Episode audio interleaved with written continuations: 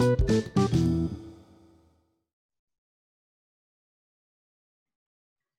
semua, Assalamualaikum warahmatullahi wabarakatuh. Balik lagi di podcast Cari Bekal. Hmm, hari ini udah ngapain aja? Yuk cari bekal. Tenang, kita temenin kok.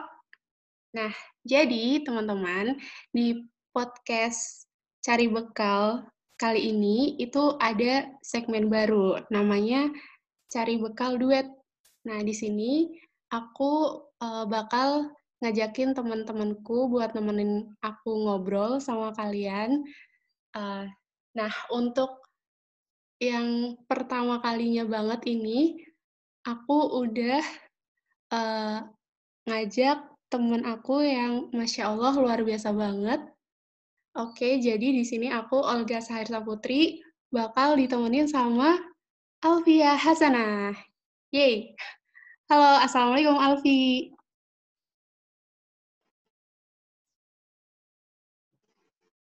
Alfi, Assalamualaikum. Waalaikumsalam warahmatullahi wabarakatuh. Mantap jiwa. Gimana, Vi, kabarnya? Kabarnya Alhamdulillah baik. Uh, Olga gimana? Baik-baik. Nah, jadi sebelum kita lanjut ngobrol ya, Vi, aku pengen ngenalin kamu dulu nih sama para pendengar yang budiman. Nah, jadi teman-teman, Alfi ini itu temen aku, temen seprodi di Departemen Matematika.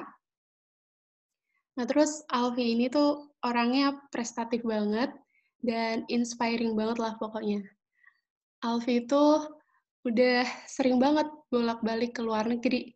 Nah, bukan buat jalan-jalan ya pastinya. Dia bolak-balik ke luar negeri untuk apa, Vi? Untuk menyebarkan inovasinya yang Masya Allah sangat inovatif banget lah pokoknya. Nah, terus um, Alfi juga suka nulis ya, Vi? Nulis kayak mulai dari scientific sampai yang uh, fiktif gitu.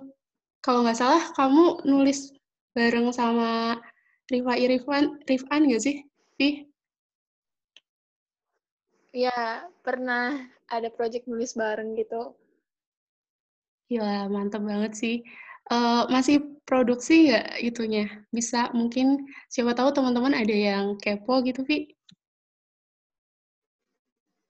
Bisa aja sih sebenarnya kalau mau pesan, jadi itu sifatnya pre-order gitu.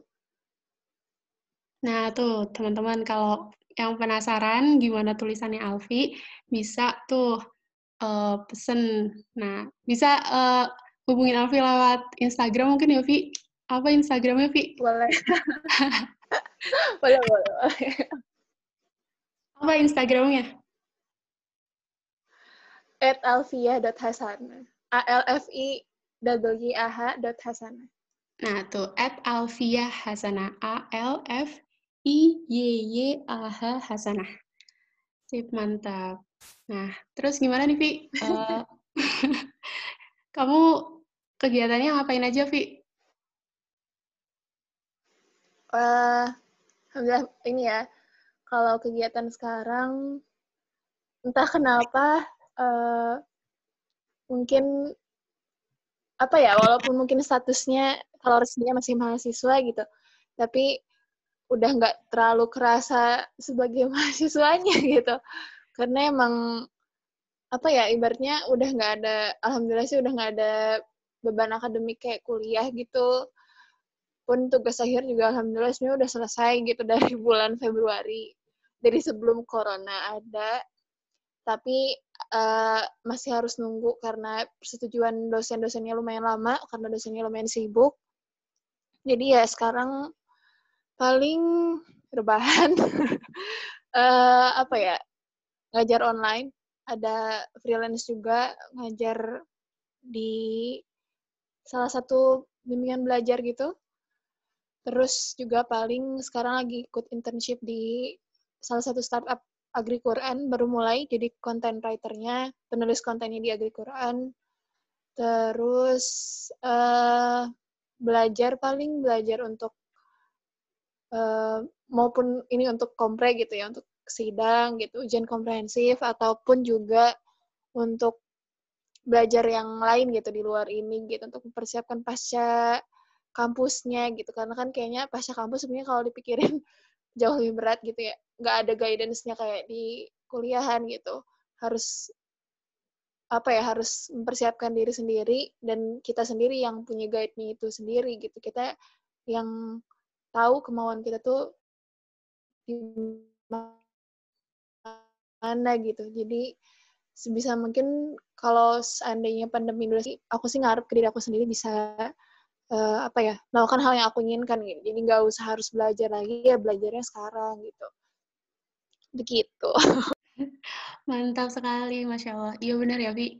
Jadi, eh, tingkat-tingkat akhir kayak kita tuh udah saatnya tinggal mempersiapkan untuk nanti ya, sebenarnya awal ya, bukan suatu akhir ya. Nah, wisuda tuh sebuah awal.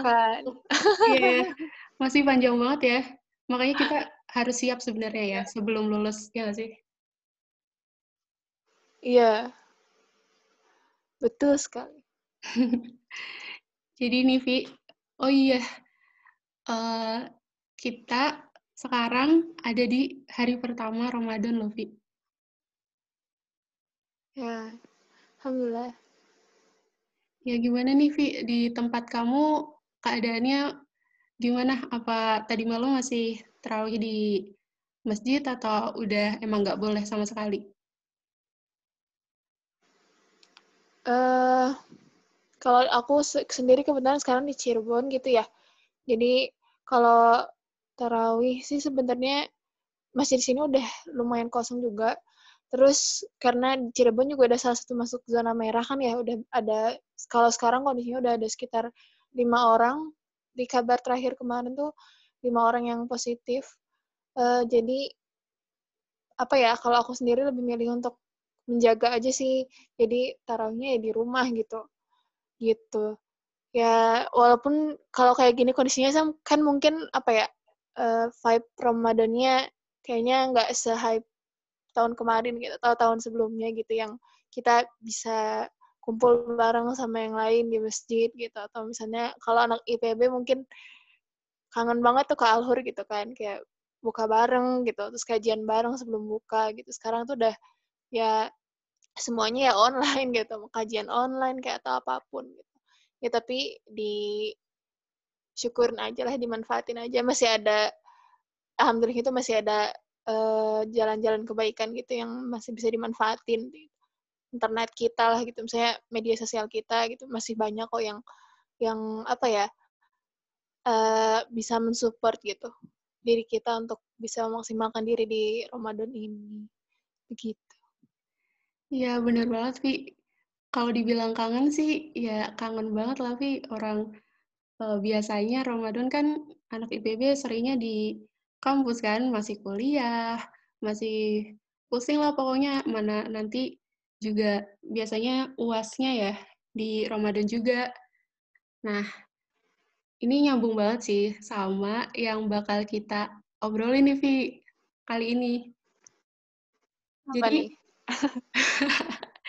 Jadi aku tuh pengen ngobrolin tentang ini loh, kan uh, udah masuk bulan Ramadan ya, Vi.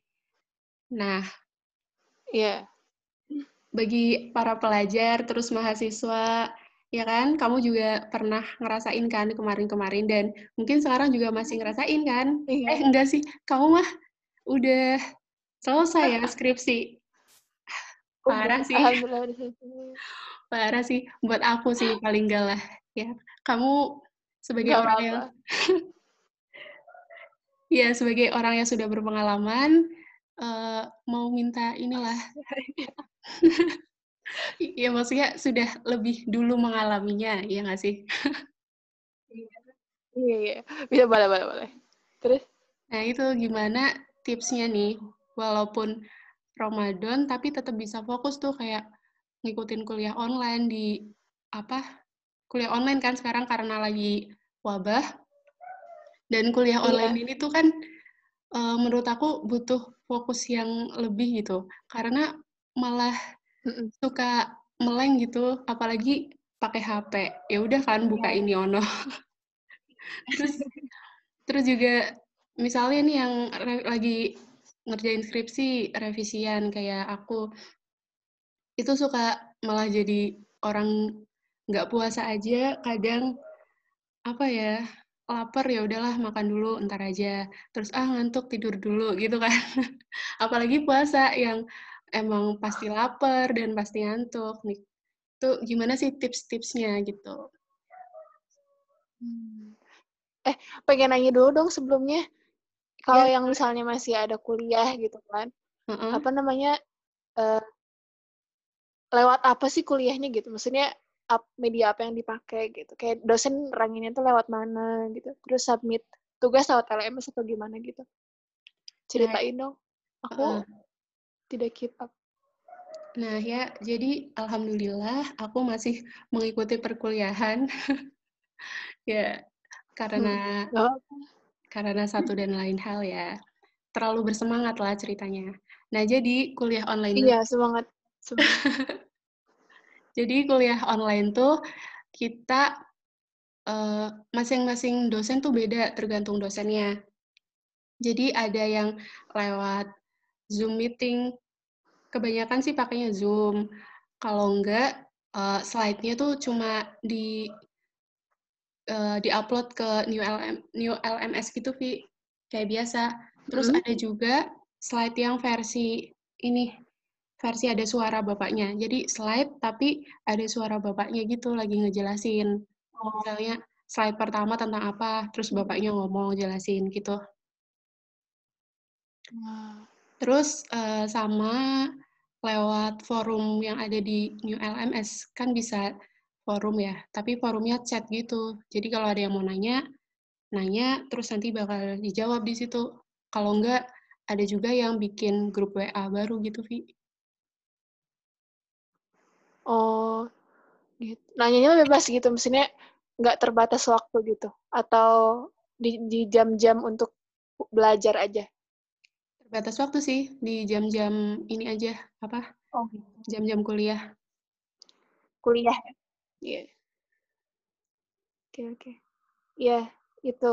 Aku sendiri kan nggak ini ya, nggak terlalu, apa namanya, uh, mengikuti anak-anak uh, yang di angkatan bawah pun nih misalnya yang masih ada kuliah gitu sistemnya kayak gimana kan nggak tahu misalnya beda-beda gitu kan buat seminar buat sidang pun tiap tiap jurusan kan beda-beda ada yang pakai zoom ada yang pakai google meet segala macam lah pokoknya gitu uh, kalau misalnya ditanya tips buat tetap bisa optimal ya dalam belajar atau kuliah gitu atau misalnya yang buat tingkat akhir yang masih nyusun skripsi buat uh, nyusun skripsinya gitu revisian atau misalnya bimbingan dan lain sebagainya nyiapin seminar atau nyiapin sidang. Kalau dari aku pribadi ibaratnya kondisi pandemi ini kan kita di luar ekspektasi kita ya kita nggak uh, pernah gitu mengalami ini sebelumnya gitu uh, kalau dari aku pribadi gitu, kalau aku berkaca dari diri aku pribadi, melihat ke tahun-tahun kemarin gitu yang ya masih normal lah kehidupannya gitu. Uh, semuanya nggak lewat online kayak gini. Kalau aku pribadi menganggap kalau Ramadan itu sebenarnya bukan halangan gitu. Jadi sebenarnya kalau dari aku hal yang penting yang pertama itu dari mindset sih gitu. Uh, apa ya? Kalau misalnya aku kan kemarin sempat ada uh, sempat ngadain riset kecil-kecilan gitu buat datang ke podcast ini gitu. Terus uh, apa namanya? Aku coba baca berapa jurnal tentang keutamaan Ramadan itu sendiri dan uh, apa sih dampaknya terhadap tubuh kita gitu. Mungkin teman-teman juga bisa coba googling gitu. Terutama ini untuk jurnal-jurnal yang internasional ya karena kalau menurut aku uh, penelitiannya lebih uh, bisa diandalkan lah gitu si metodenya ini. Terus uh, kalau misalnya dibaca banyak banget jurnal yang bilang kalau Ramadan ini sebenarnya uh, tidak memberikan dampak negatif gitu terhadap kemampuan kognitif otak kita gitu. Uh, bahkan sebenarnya kalau misalnya ada satu jurnal gitu di kalau nggak salah ini coba dicari di Google aja, di-publish sama Brain Institute.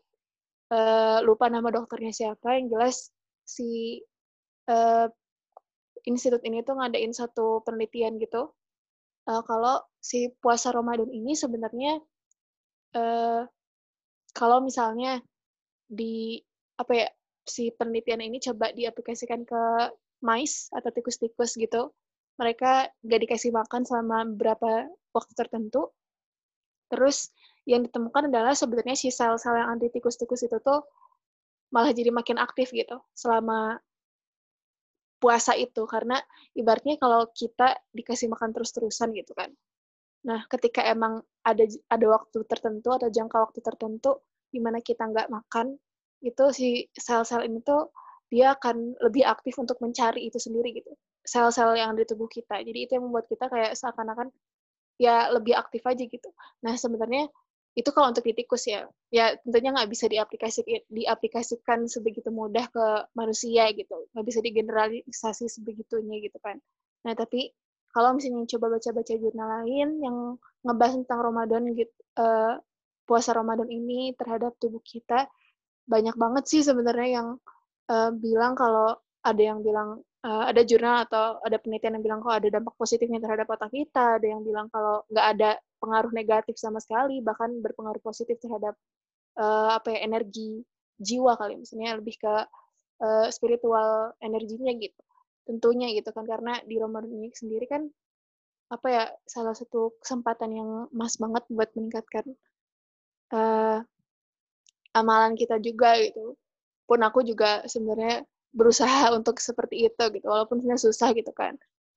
Nah tapi satu hal yang perlu aku garis bawahi yang pertama untuk bisa kita apa ya yang perlu untuk kita uh, elaborate perlu kita tingkatkan itu sebenarnya bukan hanya uh, ibaratnya tips-tips secara teknis nih tapi yang pertama itu yang paling penting ke diri kita sendiri atau mindset kita jangan sampai kita beranggapan kalau oh Ramadan kan misalnya kita nggak makan gitu. Terus misalnya kita ngantuk gitu. Atau misalnya kita uh, apa namanya lapar gitu.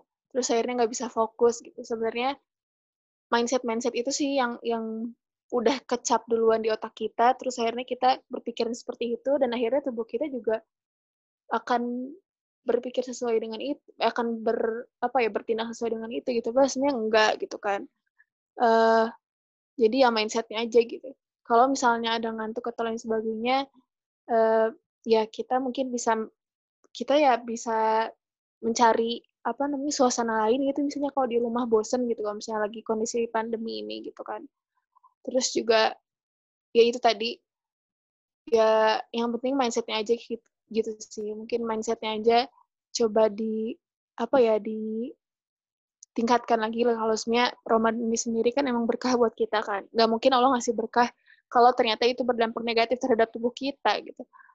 Ya mungkin yang salah ya di kitanya gitu. Kitanya mungkin udah uh, apa ya nggak pede duluan gitu sama tubuh kita gitu. Padahal sebenarnya tubuh kita tuh bisa. Kecuali emang kalau sakit ya, kalau punya medical record, kalau kita misalnya sakit apa gitu yang uh, tidak memungkinkan kita untuk puasa atau misalnya yang dapat me, kalau misalnya kita puasa kita bisa membuat si penyakit itu kambuh lagi gitu. Kecuali kalau kayak gitu. Kalau misalnya kita sehat-sehat aja sih, ya jangan sampai kita mempunyai mindset yang menghalangi kita untuk bisa optimal gitu.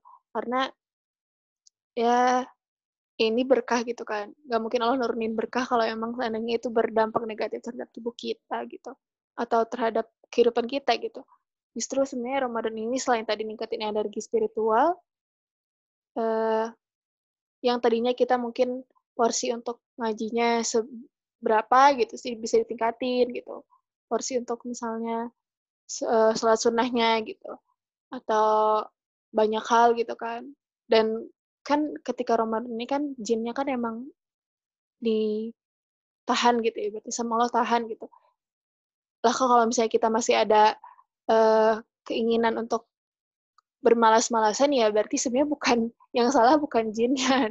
Kita diri kita sendiri gitu. Jadi coba dari kitanya di di apa ya kalau dari aku dari kita sendirinya di apa ya kita berpositif tinggi terhadap diri kita sendiri terhadap lingkungan kita gitu. Kita harus pede kalau kita tuh bisa untuk menjalankan semuanya seoptimal mungkin di Ramadan ini baik hal yang ibaratnya sifatnya ibadah rutinitas kita gitu ya sholat uh, ngajinya gitu zikir dan lain sebagainya pun juga untuk hal-hal yang mungkin ibaratnya uh, di luar itu gitu. Itu pun juga kan sebenarnya amal ibadah gitu. Belajarnya gitu kan dan lain sebagainya. Pertama mindset sih kalau dari aku. Uh, terus kalau selain mindset yang kedua uh, kita kenal ke diri sendiri mungkin nih dua hal ini sebenarnya aspek internal diri kita ya jadi diri kita yang tahu kita tuh tadi mindset kita terhadap Ramadan ini seperti apa terus yang kedua ini tentang kita mengenal diri kita sendiri gitu uh, kita yang tahu kalau kita tuh uh, tipikal orang yang belajarnya tuh bisa maksimal tuh kalau kayak gimana gitu. Terutama kalau misalnya kita bahas di uh, masa pandemi ini gitu kan. Apalagi di sini kalau misalnya masih mahasiswa gitu kan atau misalnya yang lagi kerja freelance gitu dan sebagainya pasti kan nggak akan bisa lepas dari yang namanya handphone, laptop tuh pasti harus standby gitu kan. Nah, kita yang tahu distraksi ter terbesar kita tuh apa? Kalau aku pribadi, aku merasa distraksi terbesar kita tuh ya ini gitu. Sebenarnya si alat komunikasi ini. Makanya kalau lagi real life, lagi uh, normal gitu, uh, seperti pada biasanya, kalau lagi ibaratnya kerja gitu, kalau misalnya lagi ngajar atau misalnya lagi uh, ngerjain sesuatu gitu, diusahakan si handphone tuh aku emang nggak pegang gitu sebenarnya. Cuman kan masalahnya sekarang kan udah beda ya. Kita ngerjain semuanya lewat handphone, lewat laptop gitu. Sedangkan dan ini sebenarnya sumber distraksi aku terbesar dari sini gitu. Uh, mungkin kalau dari aku pribadi bisa diterapin namanya digital minimalism gitu. Digital digital minimalism itu ya minimalisme secara digital gitu kan minimalisme itu kan sekarang udah banyak dibahas ya mungkin kalau teman-teman tahu banyak banget yang bahas tentang minimalisme ini di di YouTube di segala macam bukunya juga ada gitu kan udah banyak banget uh, akun-akun yang bahas tentang minimalisme ini gitu. Nah sekarang ada namanya digital minimalism ini. Uh, kita mengurangi sebisa mungkin uh, apa ya? Kalau misalnya kita ngomong media sosial, akun-akun yang emang kita misalnya tadinya kalau IG misalnya kita follow, tapi ternyata kita nggak sering lihat itu, coba di unfollow aja gitu. Misalnya, uh, intinya kalau minimalisme itu kan menyisakan hal-hal yang emang sifatnya penting gitu ya. Penting untuk kita, penting untuk tujuan kita, dan penting emang buat kehidupan kita gitu. Termasuk untuk orang-orang sekitar. Kalau seandainya cuman untuk, uh, apa ya ibaratnya, ya nggak terlalu berpengaruh banget ya di unfollow aja gitu. Jadi sebisa mungkin ketika aku buka medsos pun, yang aku lihat ya emang yang aku butuhkan gitu. Kayak misalnya yang aku follow nih cuman beberapa akun yang emang uh, yang sering aku lihat di feed itu yang emang lebih ke tips-tips tentang financial planning tips-tips untuk misalnya karena aku lumayan concern dan ingin untuk mendalami tentang social enterprise jadi uh, akun-akun tentang itu gitu. Uh, dan aku juga menyadari kalau aku sendiri masih butuh akun-akun yang sifatnya apa namanya uh, apa ya entertain gitu untuk seni gitu untuk untuk hiburan gitu. Dan aku sadar ya paling paling follow cuman beberapa akun karena kan kalau hiburan doang kan nggak nggak bukan prioritas ya bukan prioritas yang paling besar gitu kan. Kayak gitu. Jadi sebisa mungkin dan dibikin jadwal sih gitu kalau aku sendiri uh, aku nggak tahu ya apakah ini dialami juga sama teman-teman atau enggak cuman kalau aku pribadi semenjak pandemi ini bener-bener insomnia sih. Entah kenapa, mungkin karena terlalu banyak terpapar sama, uh, apa namanya, gadget gitu, entah handphone, entah laptop gitu kan. Susah gitu kayaknya untuk tidur bisa benar gitu, misalnya tid pola tidur yang bagus gitu, yang misalnya sebelum jam 12 sudah tidur itu susah banget, gitu. Apalagi mungkin sekarang harusnya kan Ramadan ya gitu kan, dan aku sering kali masih ada hal yang harus dikerjain gitu sampai malam. Berarti sampai jam 9 sampai jam 10 gitu kan. Jam 10 dan jam 11 lah gitu. Tapi setelah setelah uh, udah lepas dan mau tidur itu tuh entah kenapa nggak bisa karena yang aku pernah baca juga ini kan pengaruh dari radiasi juga ya yang pokoknya dari handphone juga dari laptop juga gitu yang emang sebenarnya nggak terlalu berpengaruh baik terhadap tubuh kita gitu kalau terpapar terus-terusan gitu.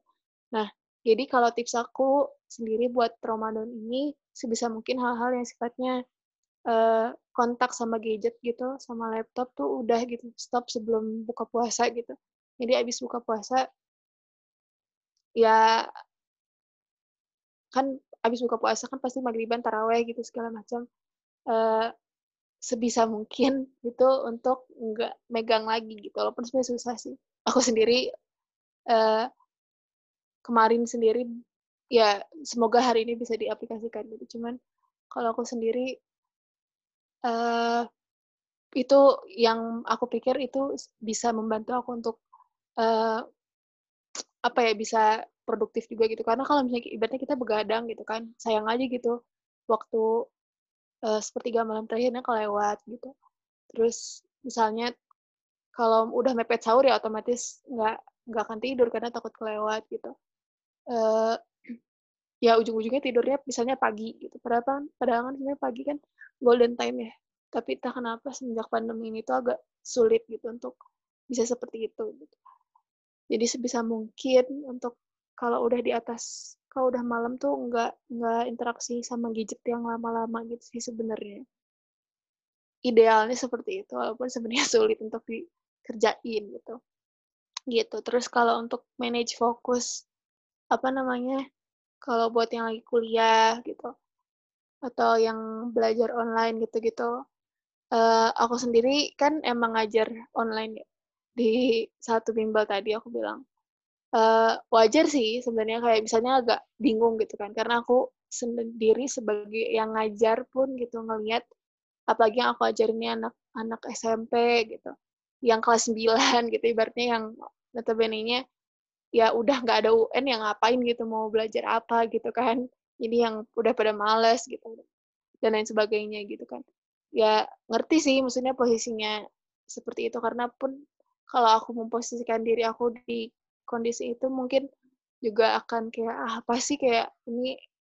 Ya udah gitu maksudnya uh, kalau apa ya ibaratnya media pembelajaran lewat online gini karena sebenarnya emang nggak terlalu efektif gitu kan. Tapi kan gimana kita nggak bisa nyalain kondisi yang emang kayak gini gitu kan.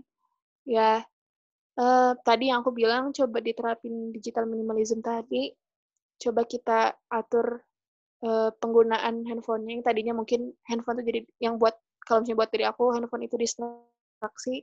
Sekarang emang harus uh, apa ya ibaratnya ini sumber untuk ngelakuin segala macam sekarang. Coba diatur penggunaannya gitu. Ya misalnya jangan buka IG dulu kalau lagi ngerjain apa gitu. atau misalnya uh, apa ya lebih ke atau misalnya kalau emang kita serasa agak sulit untuk memahami satu topik gitu kalau secara online tadi bisa dimanfaatin uh, fasilitas buat nanya ke dosennya lewat grupnya atau misalnya apa gitu lebih interaktif aja sih. Atau kalau emang kita nggak ngerti ya kita gentle aja sih ngomong nggak ngerti gitu karena mau nggak mau kan ya emang itu konsekuensi sih dari uh, media pembelajaran yang kayak gini gitu. Maksudnya yang ya harusnya kayak gini gitu karena emang kondisinya nggak memungkinkan ya kita nikmatin aja gitu. Jangan terlalu dianggap pusing sih itu. Kalau dari aku ya dinikmatin aja lah gitu mau enak mau nggak enak gitu kan.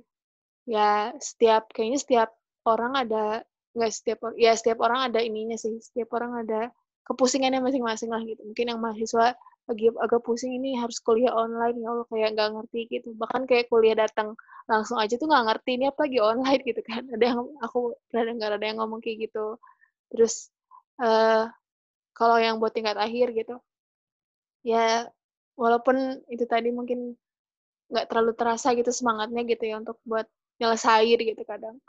Tapi ya itu gitu ingat tujuannya aja gitu ingat tujuan kita ini sayang loh dikit lagi gitu masa nggak masa nggak dituntasin gitu atau masa kita malas-malasan gitu ngerjainnya kita inget ya tujuan kita aja gitu setelah uh, pasca kampus ini gitu pasti kan ada banyak banyak banyak banget hal-hal yang baik yang kita rencanain gitu kan. Jangan lupa, jangan sampai karena kemalasan kita tuh itu mengalahkan kita untuk mencapai tujuan itu gitu, mencapai cita-cita itu gitu. Hanya karena kita malas gitu. Kita ya cita-cita kita lebih berharga dong daripada kalau rasa malas kita gitu kan.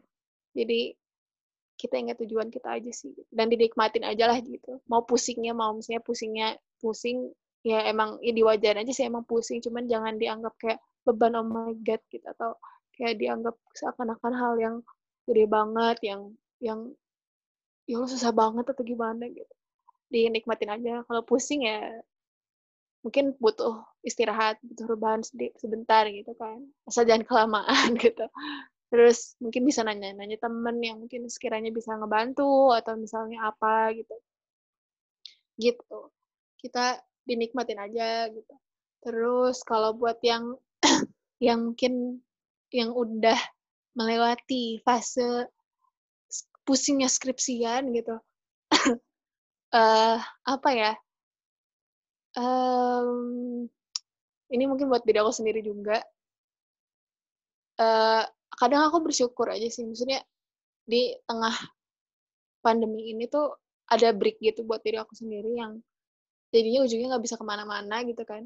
Walaupun sebenarnya agak pusing juga gitu buat yang udah mungkin udah mulai untuk kerja sendiri atau untuk nyari penghasilan sendiri yang mungkin freelance atau mungkin yang kerjanya kerja lepas itu belum jadi pegawai tetap gitu ya karena emang belum ada SKL gitu kayak uh, pasti kan bingung kan misalnya kondisi kayak gini nggak tahu gitu mau dapet duit dari mana gitu kan e, harus mikir apa ya berarti apalagi ntar kalau udah lulus gitu kan pasti kan lebih lebih dari ini gitu pusingnya tuh kayak itu tadi yang aku pernah bilang tadi sebelumnya kalau dunia pasca kampus tuh benar-benar guide-nya itu ada di diri kita sendiri gitu kita mau ke mana tuh kita yang tahu gitu.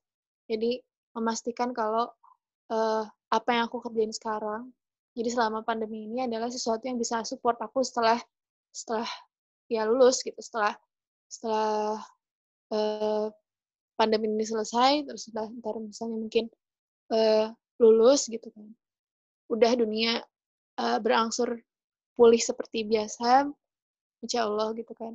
Ya sebisa mungkin ketika itu terjadi, ya aku uh, apa ya, tinggal actionnya gitu. Ya walaupun akan terus belajar gitu kan. Ibaratnya pembelajaran tuh gak akan pernah berhenti gitu. tapi seenggaknya uh, aku menanam dulu uh, hal-hal pentingnya tuh sekarang gitu. Base-nya tuh sekarang atau si dasarnya tuh sekarang gitu. Jadi uh, aku ada misalnya ada plan sendiri. Misalnya setelah dunia kampus pasca kampus itu seperti apa. Jadi sebisa mungkin ya itu tadi gitu. Waktu pas ini tuh dimanfaatkan gitu. Jadi kalaupun emang udah nggak ada kuliah udah nggak deskripsi tetap belajar gitu. Karena ya gimana ya maksudnya hal yang terjadi setelah lulus tuh jauh lebih lebih lebih lebih bingung gitu. Kalau misalnya kita kuliah atau kita sekolah kan ada ya udah ya maksudnya masalah yang kita hadapi ya udah ada wujudnya mau nyelesain ini udah dipelajari gitu kan tinggal diselesain gitu. Kalau dunia pas kampus ya masalahnya sendiri abstrak gitu kan. Yang mau dan cara nyelesainnya uh, kita sendiri yang mau yang kita sendiri yang bisa nentuin kita mau kayak gimana gitu kan. Jadi ya tadi yang aku pernah bilang setiap generasi tiap orang tuh ada ada kepusingannya gitu. Jadi dinikmatin aja gitu ya di dimanfaatkan aja waktu Ramadan ini selain untuk uh, meningkatkan tadi energi spiritual kita uh, dari ibadah rutinitas harian kita yang tadinya seberapa jadi lebih ditingkatin pelan-pelan gitu. Terus juga ya dimanfaatkan juga buat nyelesain hal yang belum selesai. Kalau udah selesai ya belajar hal yang memang perlu dipelajari gitu. Aku juga sebenarnya masih ada belajar-belajar online itu di internet gitu.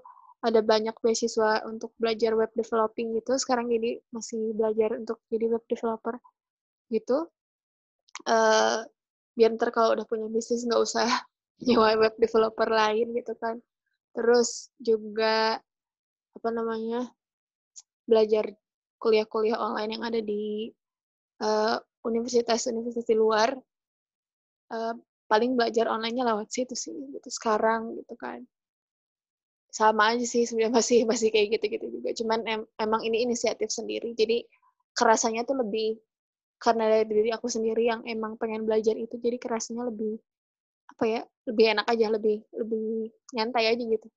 Lebih bisa menerima gitu. Kadang kalau kuliah kadang kan kita misalnya nggak suka sama matkul ini jadi agak males gitu atau kayak gimana gitu. Gitu. Jadi diusahain kita sendiri juga bisa menerima. Jadi nggak terlalu apa ya kita dia aku bilang dinikmatin aja gitu. Nggak terlalu dianggap beban banget semuanya. Uh, ya semuanya akan selesai gitu semua ini. Entah mungkin pusingnya belajar atau lain sebagainya gitu. Dinikmatin aja sih jangan terlalu dianggap apa ya beban banget sih. Itu sih dari aku.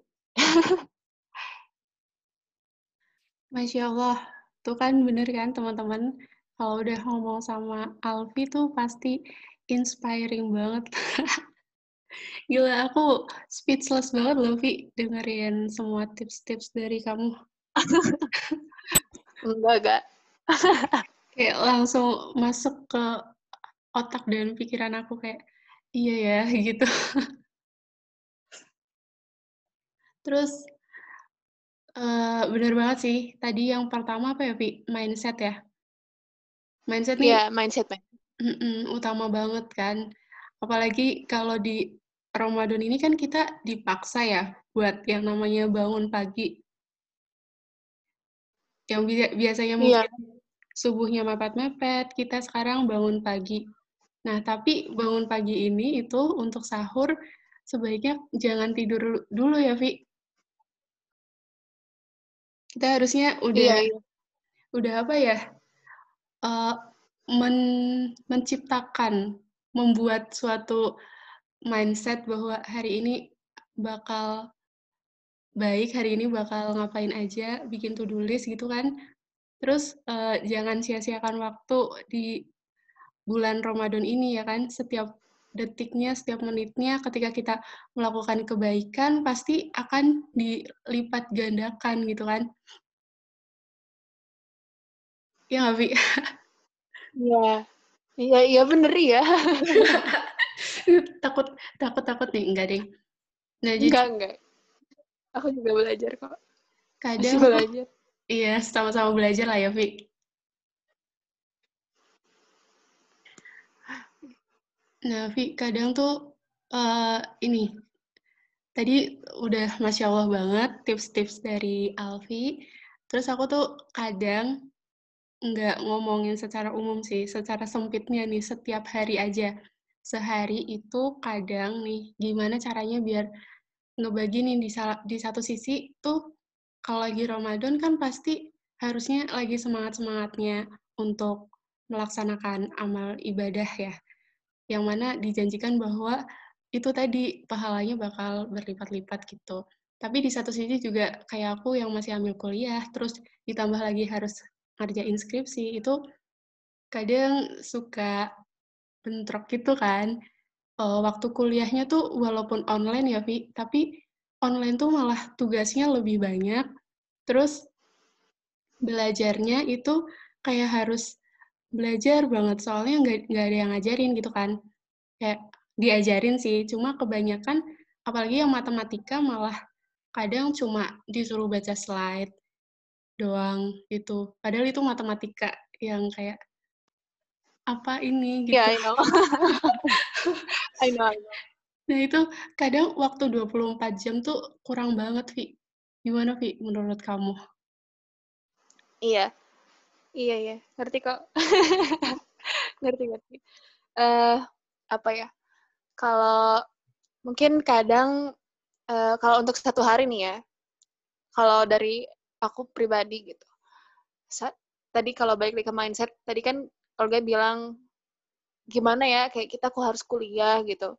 Dan emang iya sih, sebenarnya kalau kegiatan yang online online tuh online online kayak gini itu kerasanya kayak lebih capek kalau aku ya mungkin karena aku pribadi menganggap kalau handphone itu distraksi itu emang kayak kerasa lebih capek daripada aslinya gitu kayak misalnya kita kehidupan normal kayak biasa tuh kayak lebih capek gitu kan apalagi belum lagi nggak ngerti tadi gitu kan uh, kalau dari aku sendiri uh, pertama tadi baik ke mindset kita jangan mempersempit amal kebaikan itu sendiri gitu ya. Kalau aku baca dari coba coba teman-teman uh, baca dari buku Muslim Produktif gitu dari Muhammad Faris yang bukunya tuh warnanya hijau toska gitu. Jadi kadang kita sendiri yang mempersempit amal kebaikan, mempersempit definisi dari kebaikan atau amal kebaikan itu sendiri gitu. Kadang kita mungkin ada yang anggap kalau amal kebaikan itu ya hanya sekedar kayak misalnya kita tilawah, kita misalnya ngaji, kita misalnya ngaji dalam arti misalnya kajian gitu, atau misalnya kita uh, ibaratnya amal-amal ibadah yang aku bilang tadi mungkin kalau aku pribadi nyebutnya rutinitas gitu atau kebutuhan kita lah gitu kan zikir gitu kan. Tapi sebenarnya kadang kita lupa kalau di luar itu tuh banyak hal yang ibaratnya amal kebaikan tuh lebih luas dari hanya dari dari itu gitu. Itu, itu misalnya wajib-wajibnya tuh atau sunah-sunahnya gitu. Tapi di luar itu juga ada gitu kan. Kayak tadi belajar pun sebenarnya kalau kita sadar kalau itu pun sebenarnya bisa kita itu pun sebenarnya kebaikan gitu ada kebaikan kadang kita sendiri lupa di situ jadi kadang kita ngerjainnya tuh males gitu atau kadang kita ngerjainnya tuh udah kayak ogah duluan gitu. Padahal sebenarnya kalau di dipikir-pikir gitu hal-hal yang dikerjain di kampus gitu kan entah kalau misalnya kita flashback dulu kumpul organisasi gitu kan yang bahasannya tentunya untuk ngerencanain proker atau ngerencanain program yang mestinya program yang baik gitu kan kadang kita lupa untuk nggak menganggap kebaikan juga dan kadang akhirnya dari situ dari kita lupa nggak nganggap itu kebaikan akhirnya kita jadi apa ya kayak kehilangan semangat gitu sendiri gitu untuk sebenarnya kan kebaikan itu sendiri kan yang bisa ngasih efek ke kita ya. Ibaratnya kayak kita ngasih sedekah nih. Sebenarnya kasih orang yang ngasih sedekah nih aku ada aku pernah baca juga sedikit penelitiannya.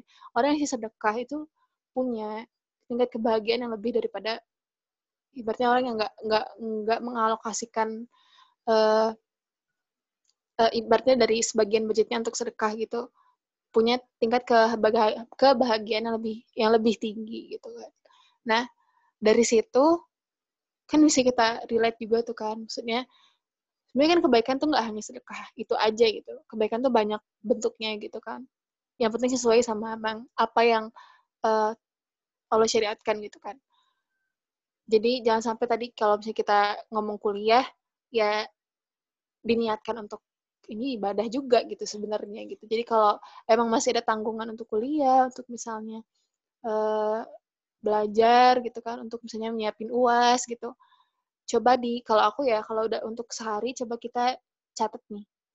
Hal-hal yang emang kita nggak bisa hindari buatnya harus dilakuin gitu mau nggak mau kita harus kerjain gitu kuliah misalnya kuliah online dari jam berapa sampai jam berapa habis itu uh, misalnya mau mengalokasikan waktu untuk belajar jangan banyak-banyak gitu kan karena tahu di kondisi kayak gini tadi udah mau belajar online sekarang eh, belajar atau kuliah online sekarang belajar sendiri juga harus online juga pasti kan pasti akan jenuh kan otak. Paling sediain aja paling setengah jam lah gitu atau satu jam. Daripada nyediain waktu dua jam pede ah bisa gue bisa untuk belajar dua jam tapi ujung-ujungnya malah lihat IG gitu. Jadi sedikit aja. Jadi yang penting ada hal sedikit sedikit yang masuk ke otak gitu. Dicatat aja gitu yang nggak bisa dihindari itu apa. Kayak misalnya tentunya ya tadi kuliah. Ya kalau kita ngomong ibadah ibadah rutinitas lain berarti sholat dari subuh, zuhur, asar, maghrib, isya, taraweh berarti kalau di sini. Pun misalnya kalau bertambah duha dan lain sebagainya, dicatat waktunya itu berapa gitu. Dan hal-hal tadi yang nggak bisa kita hindari, misalnya tadi uh, kuliah gitu kan, atau misalnya ada tanggungan-tanggungan lain, kayak misalnya ngajar online atau apa dan sebagainya dicatat. Nah, nanti sisanya yang menyesuaikan. Misalnya kalau kalau tilawahnya sekiranya nggak memungkinkan untuk sehari dua jus ya ya misalnya dikurangin gitu. Sesuai ya tadi sesuai proporsi hal yang menurut kita nggak bisa kita apa ya nggak bisa kita uh, hindari atau nggak bisa kita kurangin gitu. Tadi porsi belajar gitu. Nah yang bisa kita kurangin ya misalnya kayak misalnya kita hanya untuk hiburan doang hanya untuk rebahan terus misalnya main IG tentunya kayak gitu juga kan pasti butuh ya karena kita juga misalnya jenuh gitu ya ada tapi porsinya jangan terlalu banyak banget. Karena kalau udah kebanyakan tuh pasti namanya sosial media tuh apa ya adiksinya tuh ada gitu. Ke ketagihannya tuh pasti ada. Terus-terusan aja nggak nggak ini gitu kan. Jadi seenggaknya misalnya sediain waktu berapa gitu. Kita masih nge nyediain waktu akhirnya kita santai gitu. Karena emang biar nanti ngerjain hal yang lainnya yang serius tuh nggak nggak apa ya nggak nggak beban gitu nggak jadi kehilangan fokus gitu. Jadi kalau pas lagi nyantai ya bener nyantai gitu usah buka chat yang ibaratnya ngebahas kuliah nggak usah buka buku dulu nggak usah buka apa. Benar-benar pure nonton yang rame gitu nonton yang hiburan gitu udah. Kalau udah selesai itu ya udah baru ngertiin lagi yang lain. Jadi lebih ke apa ya kita sendiri kalau misalnya lagi kondisi kayak gini sehari coba di tadi dicatat misalnya tadi kuliahnya berapa jam terus misalnya ngerjain skripsi berapa jam gitu kan. Misalnya harus intens bimbingan atau chat bimbingan sama dosen berapa menit gitu kan. Coba dicatat gitu sisanya dialokasiin dibagi-bagi aja gitu.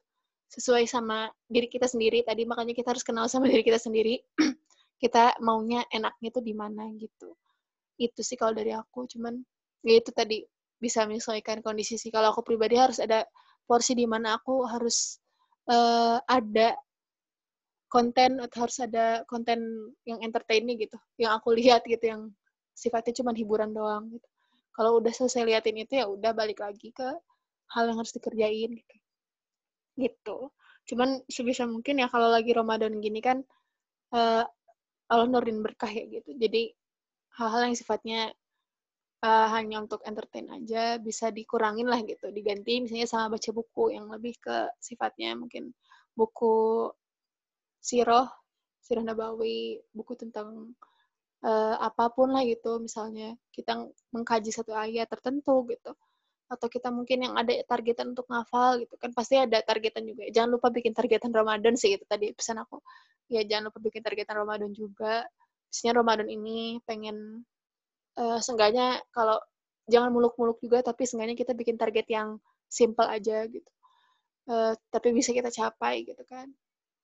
Uh, misalnya mau ngelancarin hafalan sebelumnya atau misalnya mau nambah uh, hafalan sekian gitu. Atau misalnya mau khatamin berapa kali gitu kan atau misalnya mau sekali gitu atau mau, atau mau yang sebagainya gitu.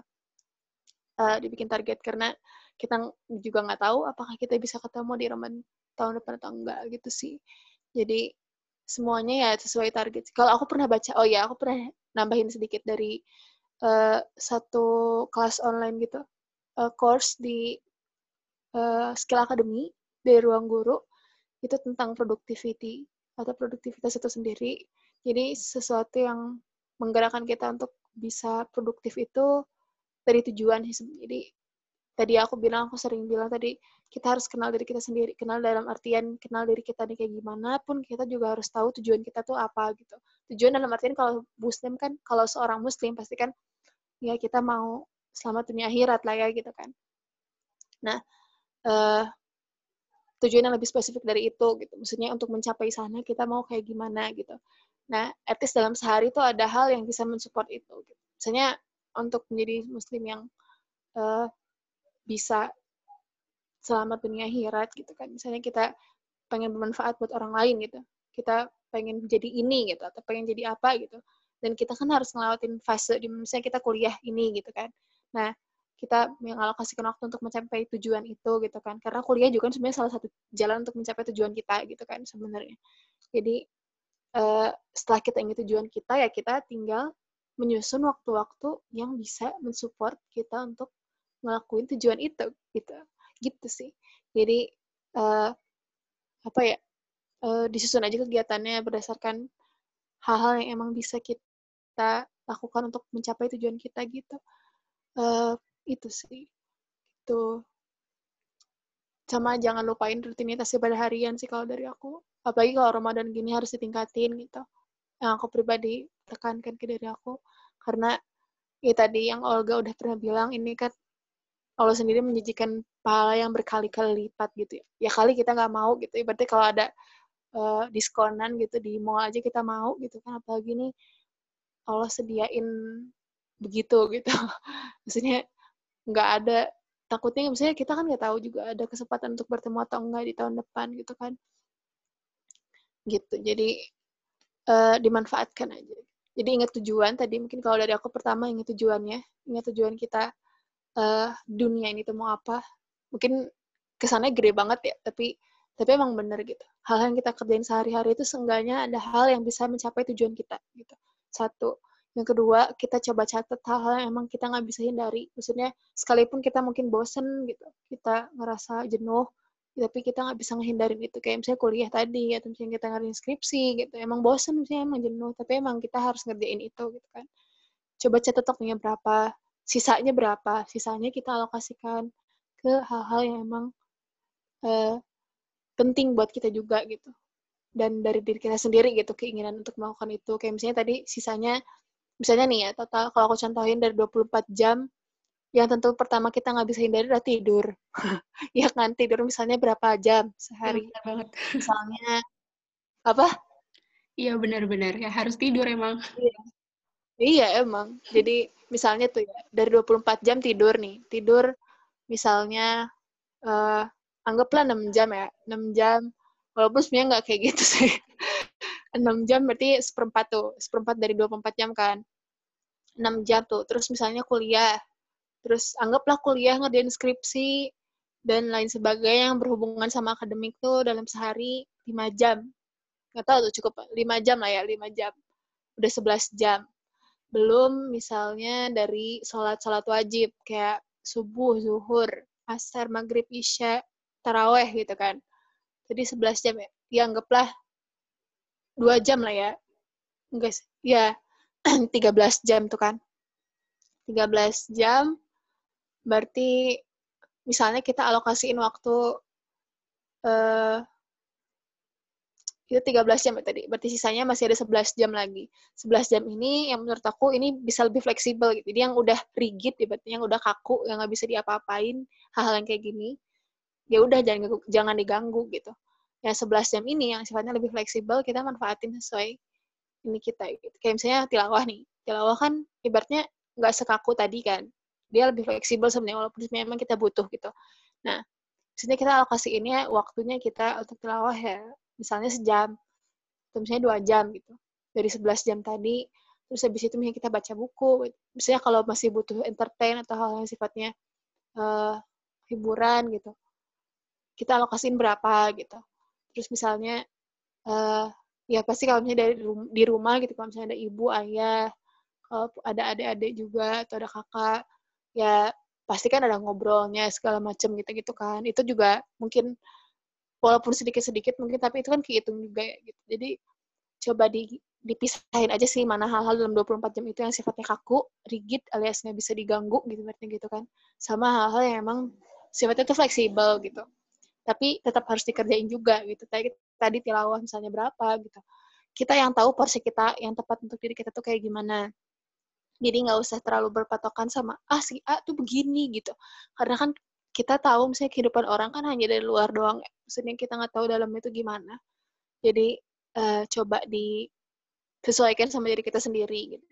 Tinggal kalau dari aku coba pisah mana tadi yang sifatnya kaku mana yang sifatnya bisa fleksibel gitu. Yang sifatnya bisa diatur-atur lah gitu.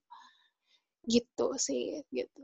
Nah habis itu ya tinggal dikerjain gitu ya. Percuma ya kalau nggak dikerjain nggak akan ada gunanya.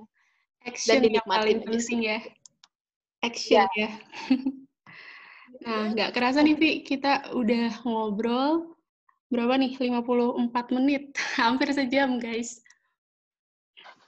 oh iya iya dan paling aku pengen nambahin sih. Jadi tadi intinya iya. uh, di bulan Ramadan ini, apalagi nggak pun nggak di bulan Ramadan pun, sebenarnya apa yang kita lakukan ini entah yang halnya bersifat duniawi itu sebenarnya semuanya tergantung niat kita. Jika itu adalah sebuah kebaikan, kayak kuliah, ngerjain tugas, kalau misal kita niatkan ini adalah untuk ibadah gitu, Nah, pasti itu akan dilipat gandakan juga gitu kan di bulan Ramadan ini. Jadi jangan merasa bahwa uh, dengan kuliah tuh mengurangi gitu kan, misalnya harus kerjain tugas, ih ngurangin banget sih untuk amalan-amalanku gitu.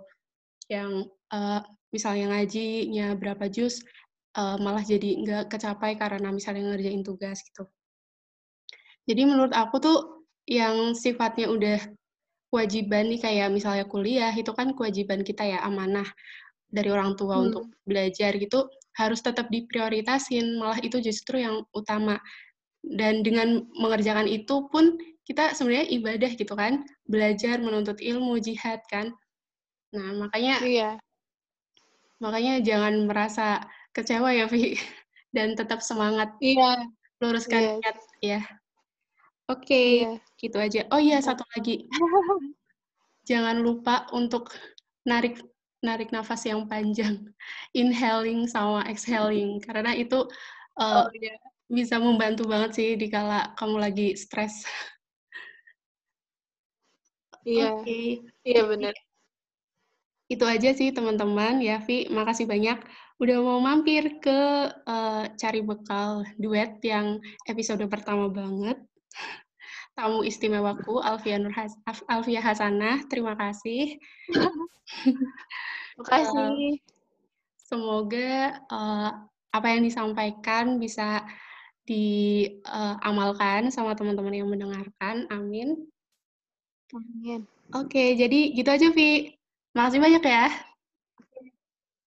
Makasih juga Olga. ya Semoga assalamualaikum kalau ada baiknya silahkan diambil. siap Waalaikumsalam warahmatullahi dadah Dadah.